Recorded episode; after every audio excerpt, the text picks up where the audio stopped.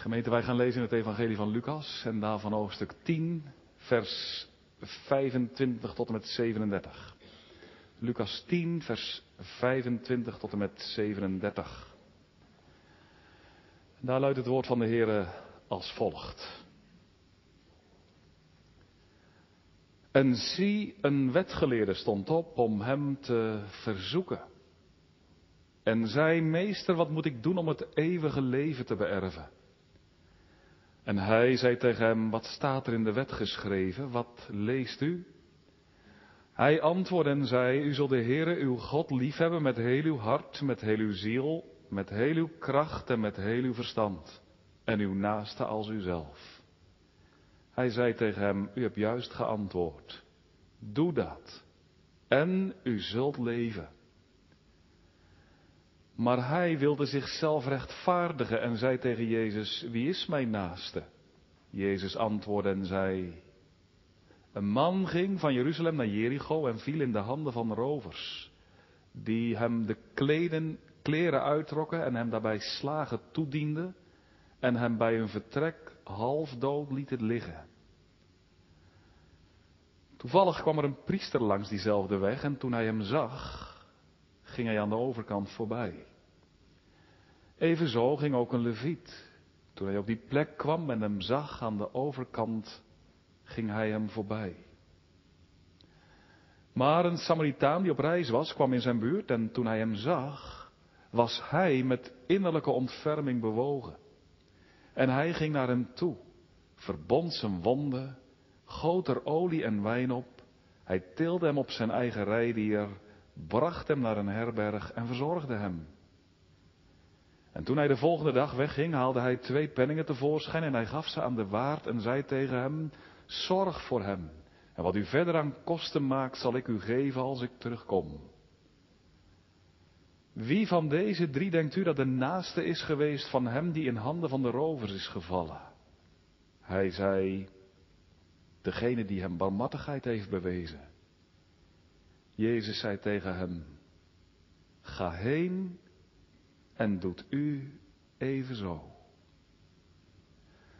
Tot zover de schriftlezing.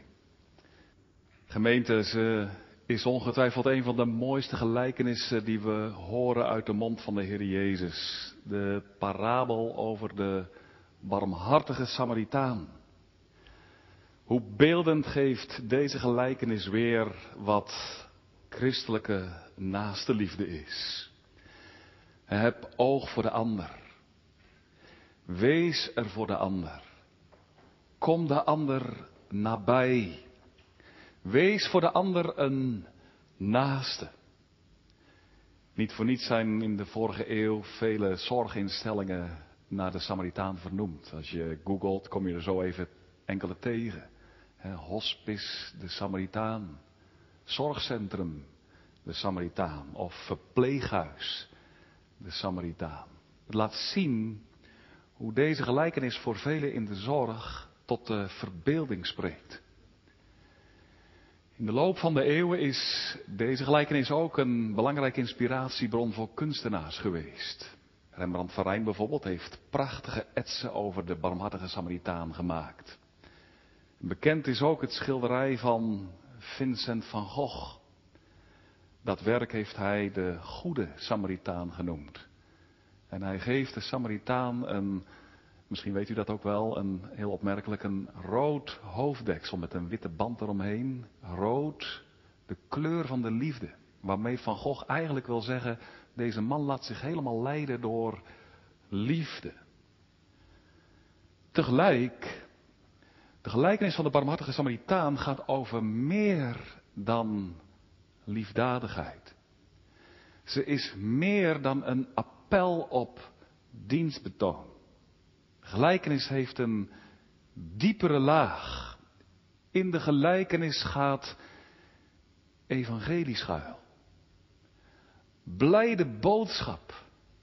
Een woord van heil, een vreugdevol woord. Een woord dat troost biedt aan hen die een verslagen hart hebben. Een woord van genade voor hen die zich zondaar weten.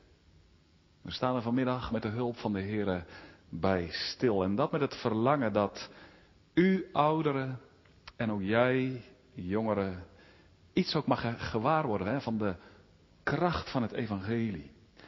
En dat je misschien wel voor het eerst vandaag mag zien op het hart van de zaligmaker. Want in het hart van de zaligmaker is, wat wij lezen in vers 33, daar zijn in het hart van de zaligmaker innerlijke ontfermingen.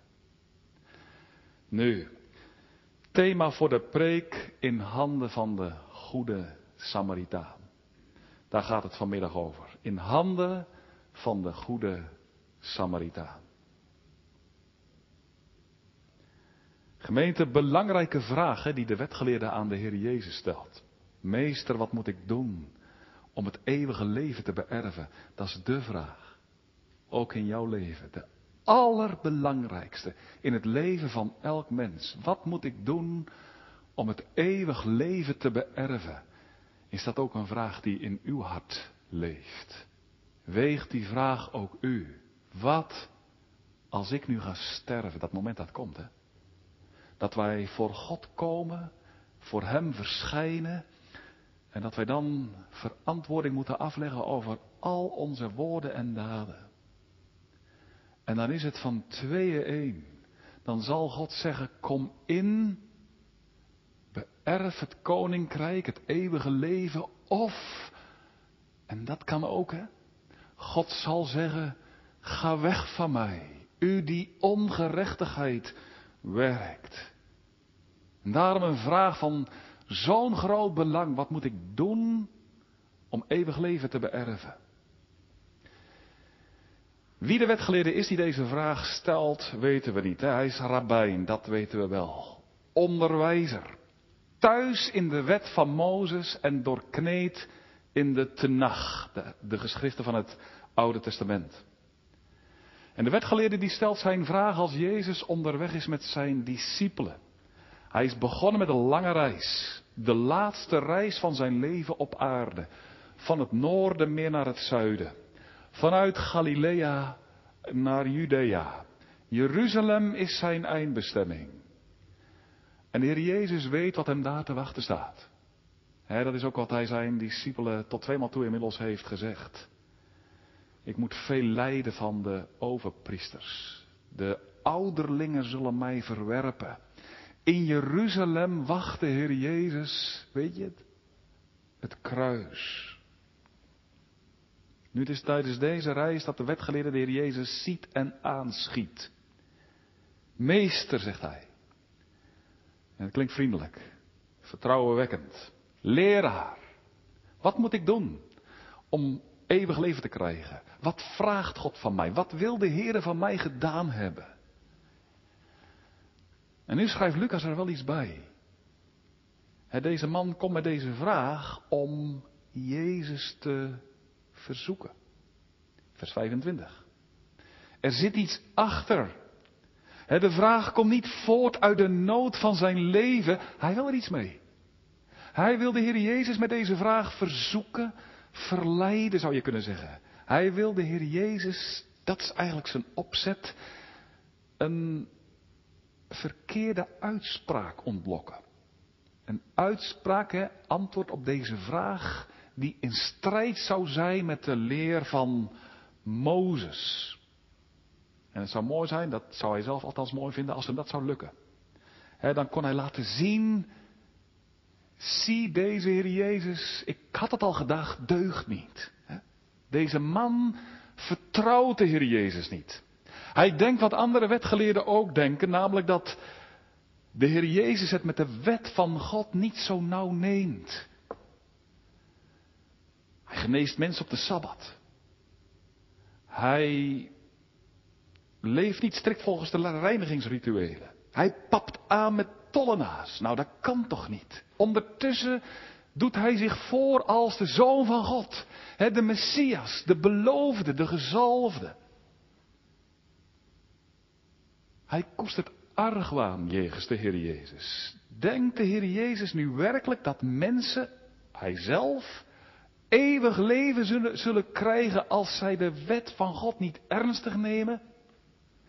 Denkt hij werkelijk dat straks op de grote dag, de dag van de opstanding, als de nieuwe hemel en de nieuwe aarde er zullen zijn, dat God dan hen zal verwelkomen die zijn wet niet serieus nemen? Denkt hij dat? Hoe zal God iemand verwelkomen, eeuwig leven geven, die zijn eigen wet niet ernstig neemt? God zal zo iemand wegdoen, tuurlijk. Dat is wat die wetgeleerde vast gelooft. En daarom, deze man is ervan overtuigd, Jezus van Nazareth deugt niet. Deugt niet. Houd er een goedkope wet op na misleidt mensen. En dat kan niet, mag niet. En dat is wat hij graag aan het licht zou willen brengen. Wat moet ik doen om eeuwig leven te beërven? Hoe reageert de Heer Jezus? Nou, de heiland ziet natuurlijk wel wat in het hart van deze man is. En wat zal hem dat ook raken, hè? Dat wantrouwen, altijd maar weer. Maar Jezus gaat een gesprek met deze man niet uit de weg, integendeel. Heel vriendelijk en ook welwillend komt hij hem tegemoet. En hij beantwoordt zijn vraag met een wedervraag. Wat moet ik doen om eeuwig leven te beërven? Vers 26. Hij zegt tegen deze man, ja wat staat er in de wet geschreven man? Wat lees je in de wet? Wat zegt de wet? ik weet wel, in jouw hart leeft argwaan dat ik het met de wet niet zo nauw neem. Maar laten we het inderdaad dan eens over de wet hebben. Want het gaat ook inderdaad in het leven van elk mens om de wet. het gaat er ook om dat wij de wet vervullen. Dat wij leven zoals God wil. Dat wij al zijn geboden gehoorzamen. En niet omdat dat moet, maar van binnenuit, van harte.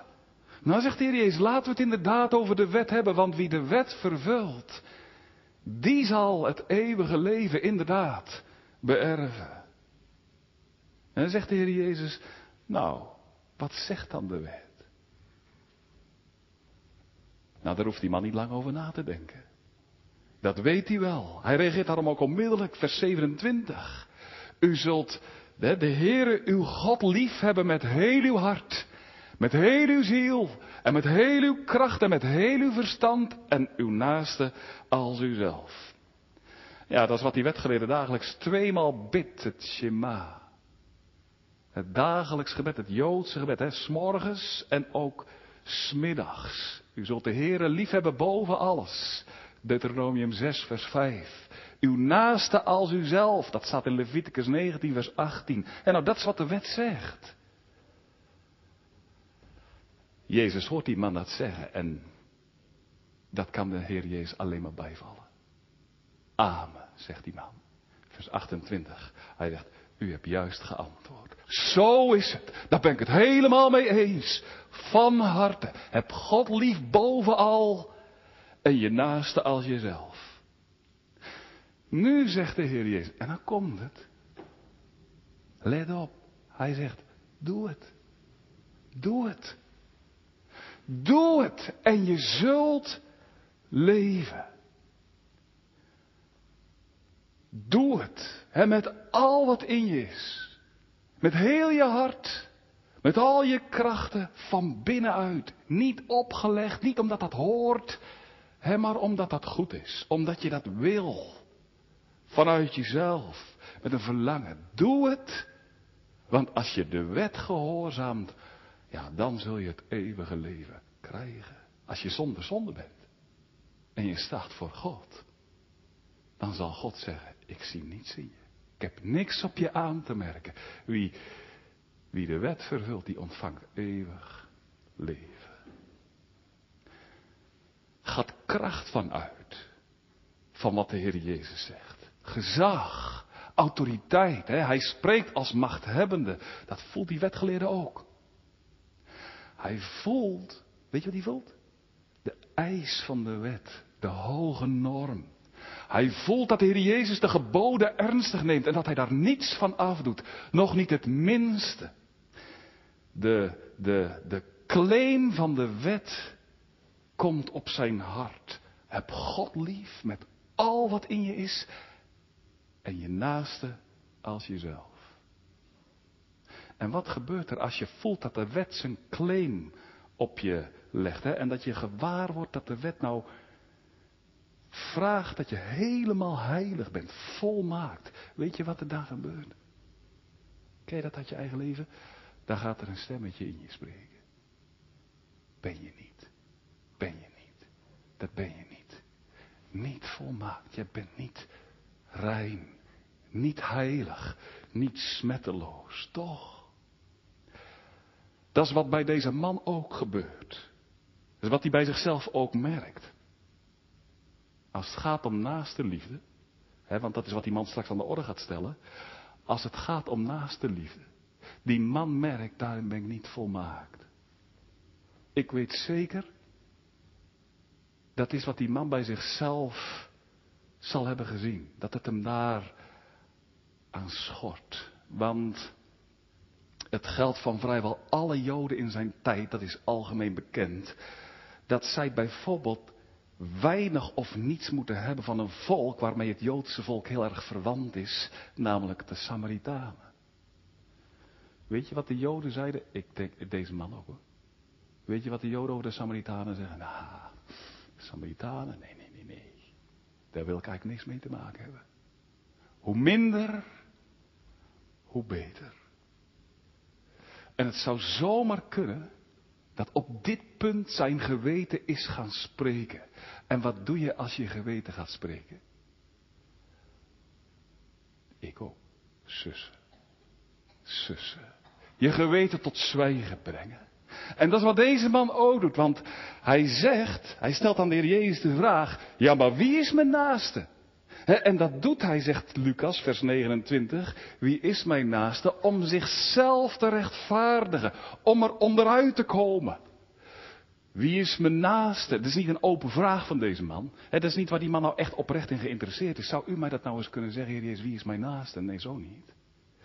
Wie is mijn naaste? Hij wil zichzelf ermee rechtvaardigen.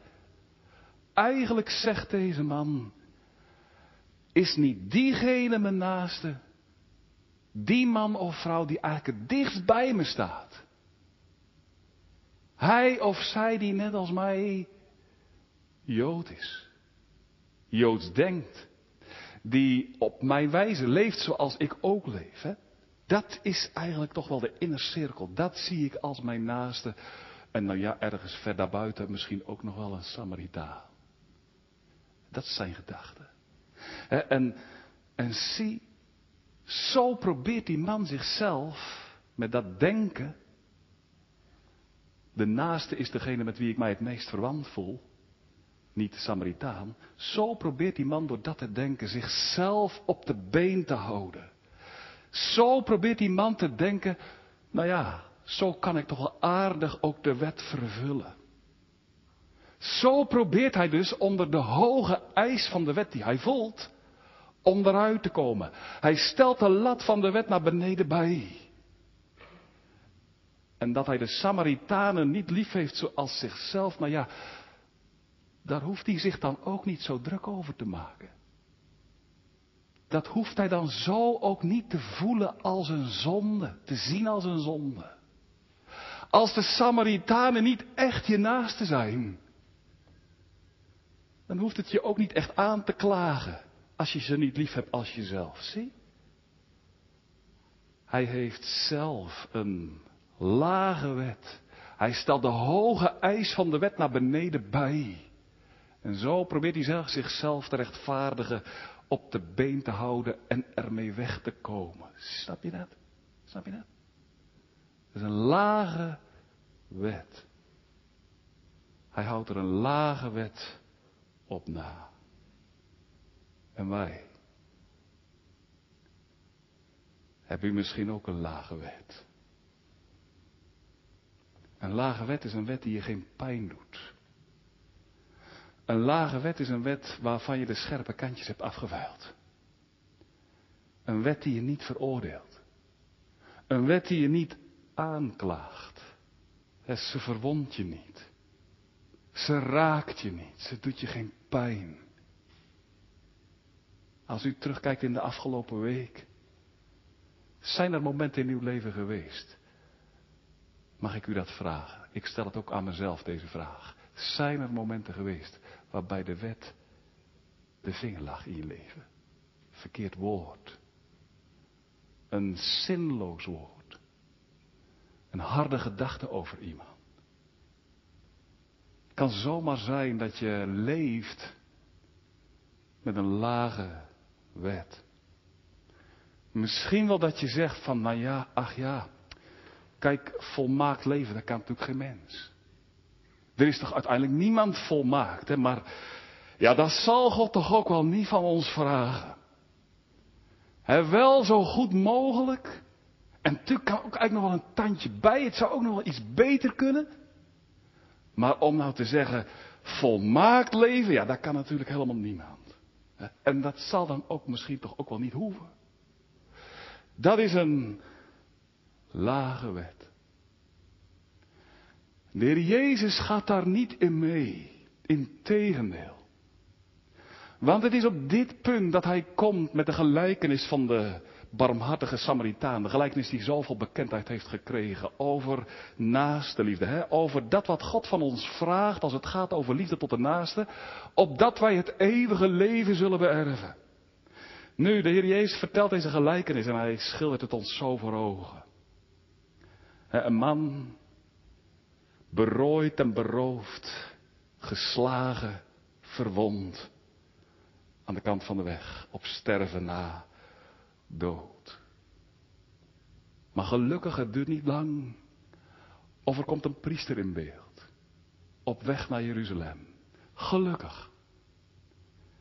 Man die de wet kent.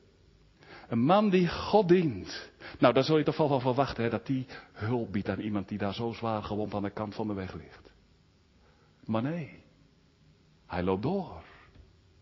Hij gunt die man daar in de berm nog niet een blik waardig.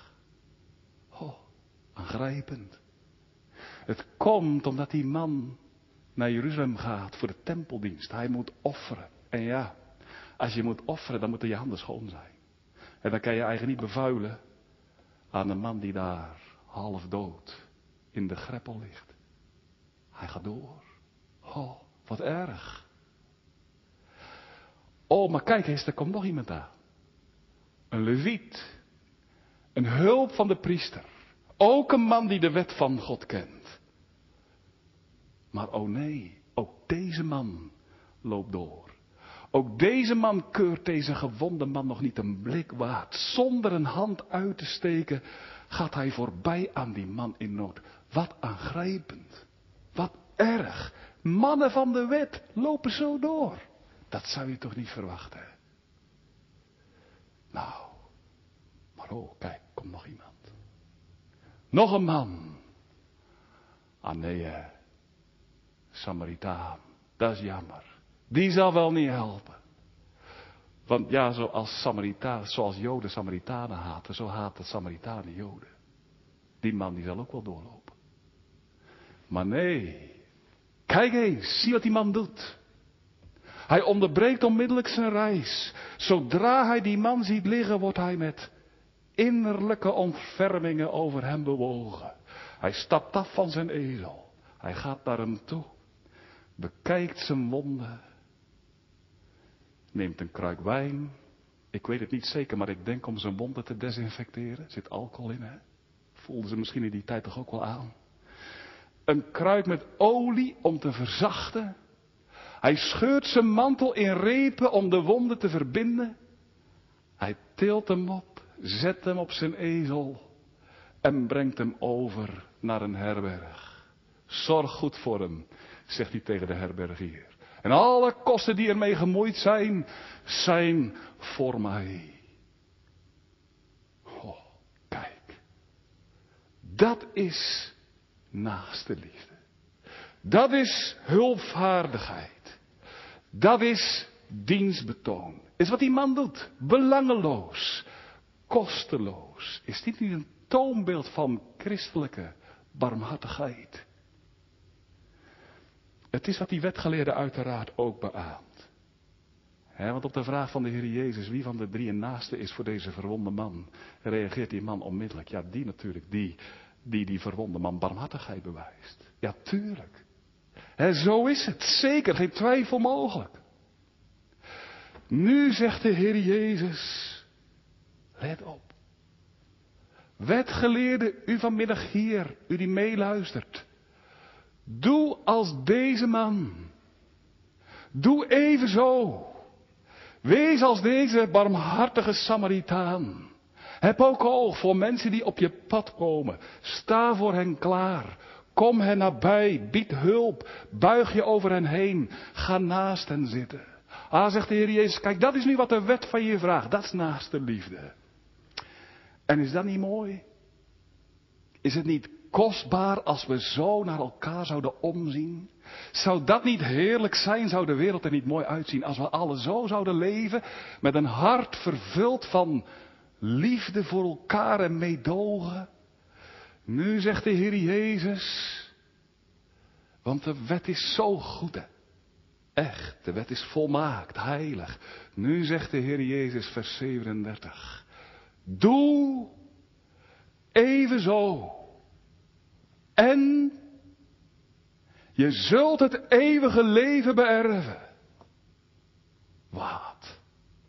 Ja. Doe als deze man. En de toegang naar het eeuwige leven gaat voor je open. Is dat wat de Heer Jezus werkelijk zegt? Dat is wat de Heer Jezus zegt. Als je de wet volmaakt onderhoudt, krijg je eeuwig leven. En dat is wat God ook wil. Dat je dat doet. Dat je, dat je leeft in lijn met de goede geboden van God.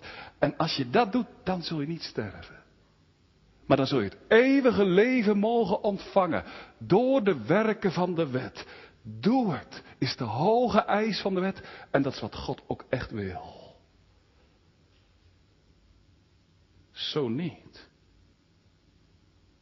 Ach jongen, meisje, dan niet. Dan zul je het leven niet beërven. Maar de dood. Het eeuwig verderf. Je zult het niet beërven als je voor de ander wegkijkt. Je zult het niet beërven als je niet voor de ander klaarstaat.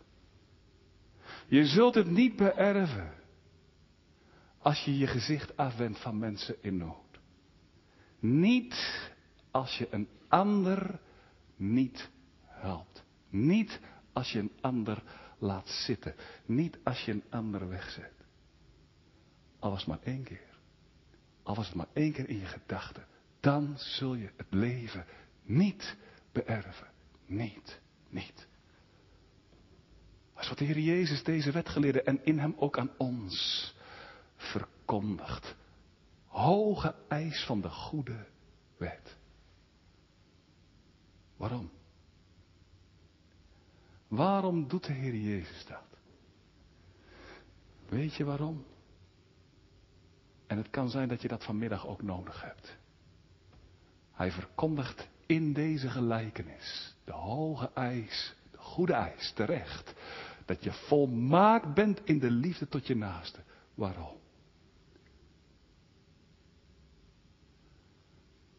Om je te laten struikelen. Wat zegt u? Om je te laten struikelen. Daarom. Nee, niet uit hardheid. Verder dan dat. Uit meedogen. Uit liefde. Ontfermende liefde. Maar dat is als je nog nooit gestruikeld bent. Of als je misschien vanmiddag te hoog staat met jezelf. Is wat je nodig hebt dat je wordt ontdekt aan je tekort. Aan je schuldige tekort. Aan je zonde. Opdat je zult beseffen.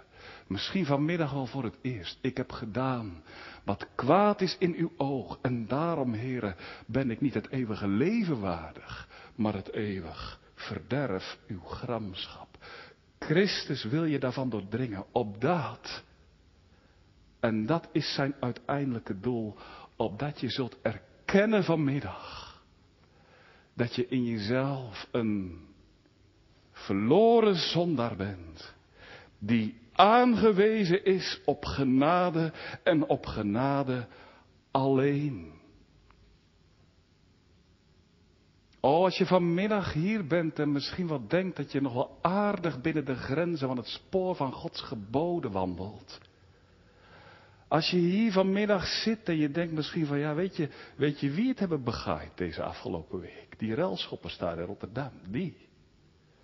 Die hebben nog eens genade nodig. Die wel, ik, die hebben meer genade nodig dan ik. Als je dat misschien denkt. Als je misschien wel denkt dat je je best doet en dat je je ervoor inspant en dat je ernaar streeft hè, om, om, om te wandelen, te leven als God dat vraagt, omdat je denkt dat dat nodig is voor je eeuwig welzijn. Christus wil je laten struikelen.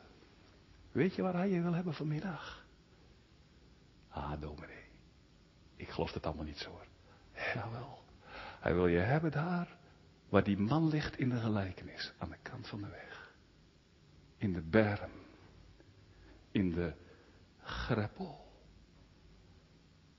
Christus wil dat je onder ogen ziet wie je nu in jezelf bent. Als je dat nooit hebt gezien. Of als dat misschien vandaag wel ver voor je weg is. Wie je in werkelijkheid bent. Een verloren mens. Hulpeloos. Reddeloos. Met de dood voor ogen. Oh, zie het. En dat wil hij. Waarom? Opdat hij zich vanmiddag over je kan ontfermen. Daarom. En hij wil dat je het opgeeft om meer te zijn dan een schuldige zondaar. De Heer Jezus wil vanmiddag dat je, dat je, dat je neerzijgt. En dat je niet meer opkrabbelt. En dat je niet meer je best doet om een beter mens te worden. En dat je het opgeeft om jezelf op te lappen en op te knappen. Maar dat je nou blijft liggen waar je ligt. En dat je het woord van de Heer bijvalt. Ik ben vleeselijk verkocht onder de zonde. Want kijk, als je daar ligt. Plat op de grond, mag ik het vanmiddag zo zeggen. Dan kan de Heer Jezus doen wat Hij zo graag doet zich over je ontfermen. Dan kan Hij voor je zijn wie Hij zo graag voor je wil zijn. Een barmhartige Samaritaan. Want dat is wie Hij is. De Heer Jezus Christus. Hij is de barmhartige Samaritaan. Hij is de goede Samaritaan. Hij is de Samaritaan die zich ontfermt over hen. Die geen kan meer opleggen. Die, die midden in hun ellende liggen. Verloren, verdorven. Christus is de Samaritaan die naar zondaren toekomt en zich over hen heen buigt en zich over hen liefderijk wil ontfermen. Maar ho, zolang je meer bent dan een zondaar, kan hij zich niet aan je kwijt. Kan hij de kruiken met zijn liefde, de kruiken met zijn genade, vol van barmhartigheid niet openen en aan je leeggieten. Daar sta je er zelf tussen. En niet met je zonde, met je vroomheid. En daarom is het dat de Heer Jezus Christus deze wetgeleerde en ook u vanmiddag in liefde je je zonde laat aanwijzen. En daarom is het, hè, dat de Heer Jezus soms ook mensen letterlijk laat struikelen. Dat kan. He, dat kan. Dat mensen echt uitglijden in de zonde. Ah, ja. Dat hij dat toelaat, hè? In zijn wijs bestuur. Dat mensen soms echt, en het is pijnlijk hoor als dat gebeurt. maar toch kan dat gebeuren, dat hij je in de zonde laat vallen. En dan lig je daar, in je schaamte, en je weet geen raad. En dan heb je dat gedaan en dat wordt misschien ook nog wel bekend. En dan komt de Heer Jezus tot je. En dan laat hij de spiegel van de wet zien. En dan kijk er nou maar eens in. En dan zeg je, oh, wat ben ik toch voor een mens. Wat een hart, wat heb ik gedaan. Maar oh, dan komt hij ook. En dan opent hij zijn hart voor jou. En dan zeg je, wat? Is er genade in uw hart voor mij? Kijk, en dan, dan gaat de liefde van de Heer Jezus schitteren. Dan zeg je, Heer Jezus, heb u het oog op een mens als ik ben? Ik ben in de zonde gevallen. En wilt u nu mijn gewonde geweten verzachten met de olie van uw zondaarsliefde? Zie, is wat de Heer Jezus wil doen. O, daarom zijn er onder ons vanmiddag die moeten beleiden dat zij het liefdesgebod van de Heere niet met heel hun hart kunnen houden. Die zichzelf tegenkomen. Die kampen met vele tekorten in hun leven. En die moeten erkennen hoe graag ik het ook zou willen. Maar ik kan de goede geboden van de Heere niet naleven. Het lukt niet. Het gaat niet. Oh, ik mag je vanmiddag verkondigen. U die misschien wel een verwond geweten heeft. Met aanklachten, hè? Met van die stemmen. Niet volmaakt, niet volmaakt. Ik mag je vanmiddag verkondigen. Vrees niet. Vrees niet. Zie het maar onder ogen. En stop met al die pogingen om jezelf te verbeteren. Stop met al dat ploeteren. Stop met al dat proberen. Dat gaat je niet lukken. Om een beter mens te worden. Daar word je alleen maar vermoeid van. Daar word je dodelijk vermoeid van. Ja, maar dominee, ik durf er niet mee te stoppen, want als ik ermee stop, dan ben ik een verloren mens. Ik ben in mijzelf zo zondig. Ik zou niet durven om te stoppen om mezelf te verbeteren. En toch wil ik je vanmiddag toeroepen, geef het op. La los al dat streven om een beter mens te worden. Geef op al dat werken, al die inspanningen. Want ho, de Heer Jezus wil je hebben niet als een zondaar met nog iets goeds. Niet als een zondares met nog iets dat hem kan bekoren. Hij wil je hebben zoals je bent. En daarom, oh, wil u toch ook zijn wie u bent. Erken het. Zie het toch onder ogen. Zonder geloof. Zo wil hij je hebben. Zonder gebed. Zonder ernst. Je hebt het niet. Ik heb er ook zo lang naar gezocht. U ook. Dacht ik, oh, kon ik toch nog eens een keer een oprecht gebed doen. Ik had het niet. Dan dacht ik, oh, werd mijn hart toch eens verbroken. Mijn hart was zo hard. Oh, kon ik nog eens werkelijk echt geloven. Ik had het niet. Maar de Heer Jezus zegt, dat weet ik ook. Dat heb u ook niet. Maar ik ben ook niet gekomen voor mensen die iets goeds hebben of iets wat mij aangenaam is. Ik wil je hebben zo zoals je bent. Een goddeloze, een zondaar. Wilt u het ook zijn? Wilt u het ook zijn? Dat is natuurlijk heel erg vernederend. Hè? Dat je, ja, dat ben ik. Een misdadiger. Maar de Heer Jezus komt nu juist voor misdadigers. Nou, is dat nou niet rijk? Is dat niet genaderijk? O zie, zondaar, zondares. En wie er nou vanmiddag op je levensweg verschijnt. Door de prediking heen. De barmhartige Samaritaan.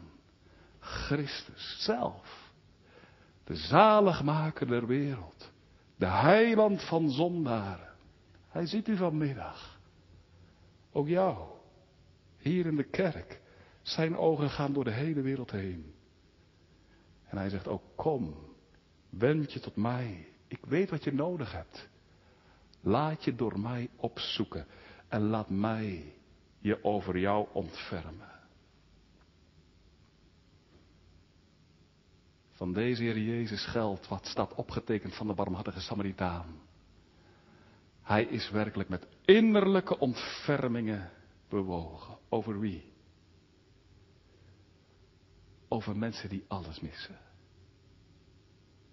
Die ervaren dat ze zonde hebben. En toch moeten klagen dat hun zonde hun zo weinig wegen. Over hen die berouw hebben. En tegelijkertijd ook moeten zeggen dat ze zo'n hard hart hebben. Over hen die bekeerd willen worden, maar die tegelijkertijd ook zo'n onwil bij zichzelf waarnemen. Over hen wil hij zich ontfermen. De Samaritaan in de gelijkenis verzorgde de wonden van die beroofde man. Nou, dat is nou wat de Heer Jezus ook doet. Hij, hij giet balsem in wonden van sprekende, klagende gewetens. En de Heer Jezus weet die gewetens, als je geweten spreekt. Ken je dat hier leven sprekend geweten? Ken je dat? Dat doet zeer, hè? Dan kan niet slapen. Oh, wat heb ik gedaan? Ik moet nu voor God verschijnen en, en mijn geweten spreekt. Nou, deze Heer Jezus, hè, die weet zulke verwonde gewetens. Gewetens die zeer doen. En dat doet je geweten hè, als de Heer je overtuigt van wie je bent. Maar deze Heer Jezus Christus weet nou met zijn olie zulke gewetens tot, tot stilte te brengen, tot rust. Hoe? Nou dan wijst hij je vanmiddag ook op wie hij nu is. Dat hij nu je leven, ook als het gaat over naaste liefde, helemaal overnieuw leeft. Dus wat hij je laat verkondigen vanmiddag. Ik vervul alle geboden. Ik heb God lief boven alles, met heel mijn hart, met heel mijn ziel.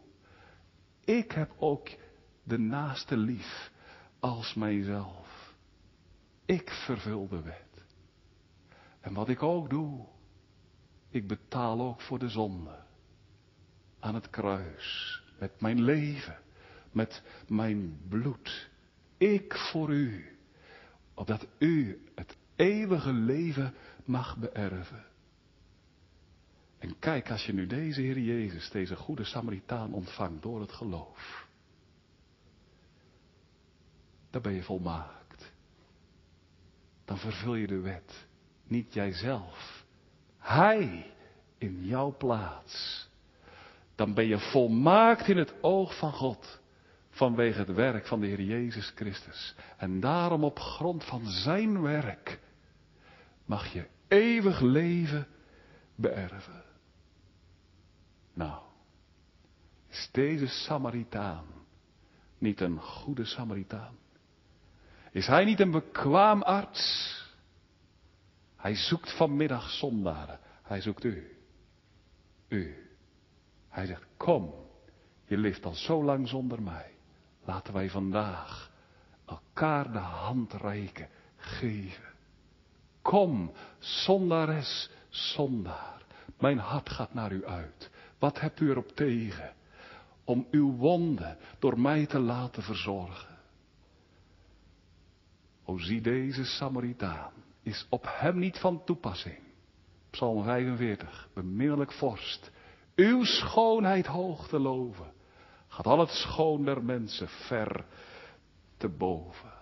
Wat een vriendelijke ontfermer is deze Heer Jezus.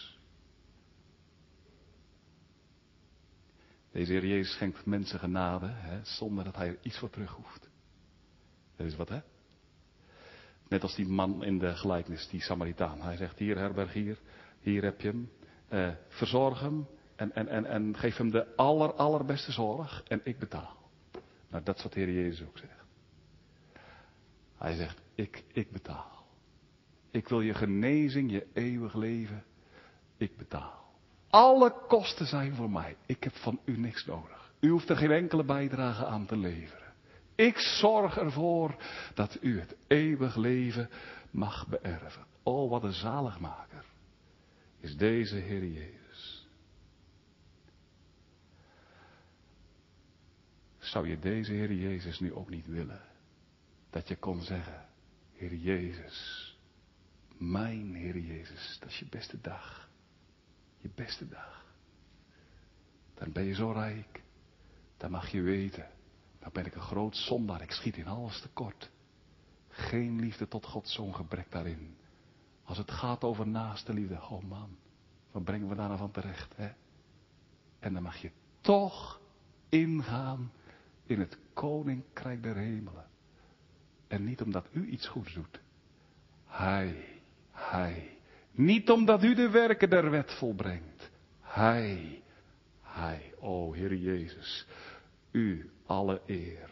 Gaan eindigen. En dat wil ik doen met wat ik hoorde onlangs over een man die in het ziekenhuis lag. En die kreeg bezoek van een vriend en die vriend die vreesde de Heer. En hij vroeg hoe gaat het met je? En hij zegt goed. Je hebt een zware ingreep gehad. Hij zegt dat klopt ook. En toen begon die man wel tien minuten lang te praten over zijn arts. Hij roemde die arts. Hij zegt zijn kunde. En zijn wijsheid en, en de vriendelijkheid van die man. Hij zei, ik zou bijna zeggen, het was de moeite waard om opgenomen te moeten worden in het ziekenhuis. Alleen al om deze arts te leren kennen. En toen zei die vriend, dat begrijp ik wel.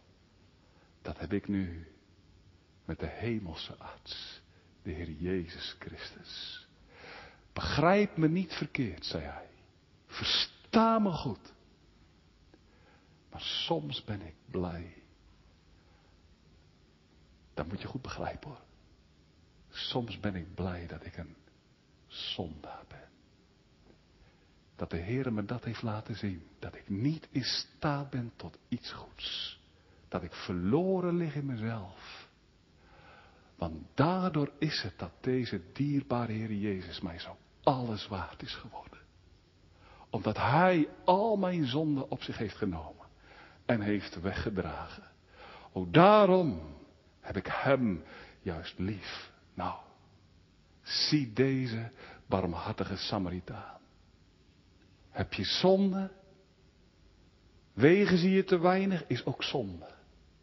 Ben je geschikt voor deze Heer Jezus Christus? O toon hem je wonden, je zonde. Hij weet er raad mee. Hij wil ze van je overnemen. Hij zegt, kom, geef ze aan mij. Zal ik er de dood voor ingaan? Ontvang jij eeuwig leven. Is dat nu geen balsem voor de ziel? Amen.